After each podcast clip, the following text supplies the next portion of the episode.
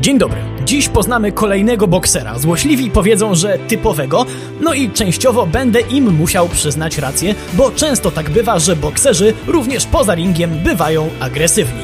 Tak jak nasz dzisiejszy bohater, Jack Johnson. Nie wolno zaprzeczać, że był złym mężem, ale również nikt mu nie odbierze sportowej zawziętości, bo żeby zdobyć tytuł pierwszego czarnoskórego mistrza świata wagi ciężkiej, to musiał zjeździć dosłownie cały świat. A świat, zdominowany wtedy przez białych, wcale mu nie sprzyjał. Przy mikrofonie Wojtek Drewniak zapraszam na kolejny odcinek programu w Drewniakach przez sport.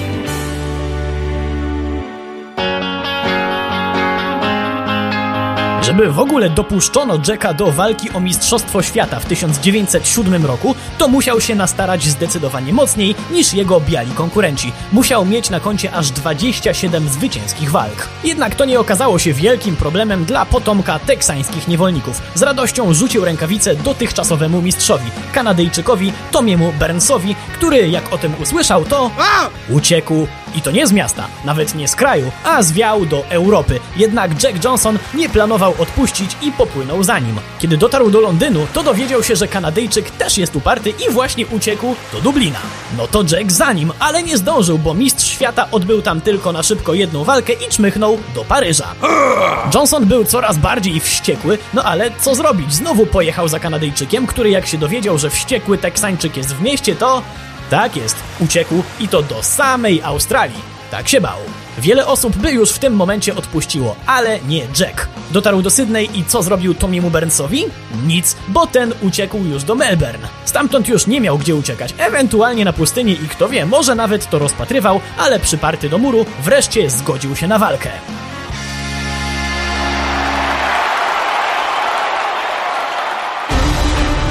Był 26 grudnia 1908 roku.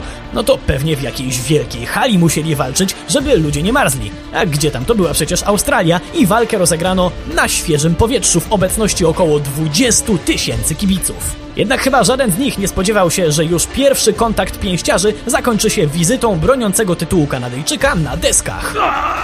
Co prawda podniósł się, ale wiedział już, że nie ma szans. A co jeszcze gorsze, wiedział też o tym Jack, który mógł znokautować oponenta w dowolnej chwili, ale postanowił mu odpłacić za całe to uciekanie i drażnił się z nim niemiłosiernie go obijając. Wszyscy kiedyś widzieliśmy jednostronny pojedynek, ale żeby coś było walką tak jednostronną, żeby na ring musiała wejść policja i kazać Jonesowi przestać, bo jeszcze Kanadyjczyka zabije, to chyba dobrze oddaje skalę łomotu. Jack został zatem pierwszym czarnoskórym mistrzem świata wagi ciężkiej. Jednak ciężkie to były czasy dla murzynów, bo to, co dziś nazywamy skrajnym rasizmem, było wtedy, niestety, na porządku dziennym. Białym nie mieściło się w głowach mistrzostwo Johnsona. Uważali, że to przypadek i tytuł szybko odzyska James Jeffries. Jednak ku przerażeniu białych kibiców w 1910 roku Jack posłał go na deski, a dwa lata później kolejną nadzieję białych, Jima Flina. No co jak co, ale nie można powiedzieć, że Flynn się nie starał. Bił Jacka głową poniżej pasa, rzucał rasistowskie wyzwiska, no ale nie dał chłop rady. Znowu pojedynek musiał przerwać reprezentant policji, konkretnie szeryf, żeby obaj panowie opuścili ring żywi. Jack Johnson był u szczytu sportowej potęgi, jednak prywatnie nie było tak kolorowo.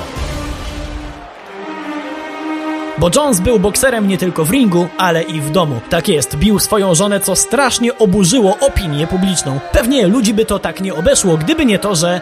Tak jest, była biała. Podobnie jak jego druga żona z zawodu, prostytutka. Ludzie praktycznie codziennie grozili Jackowi linchem. Chociaż były też wyjątki. Pogróżek unikali raczej amerykańscy bokserzy, bo bali się, że Johnson im jeszcze wypowie pojedynek. Tymczasem nasz dzisiejszy bohater wyjechał do Europy, żeby uciec przed aresztowaniem.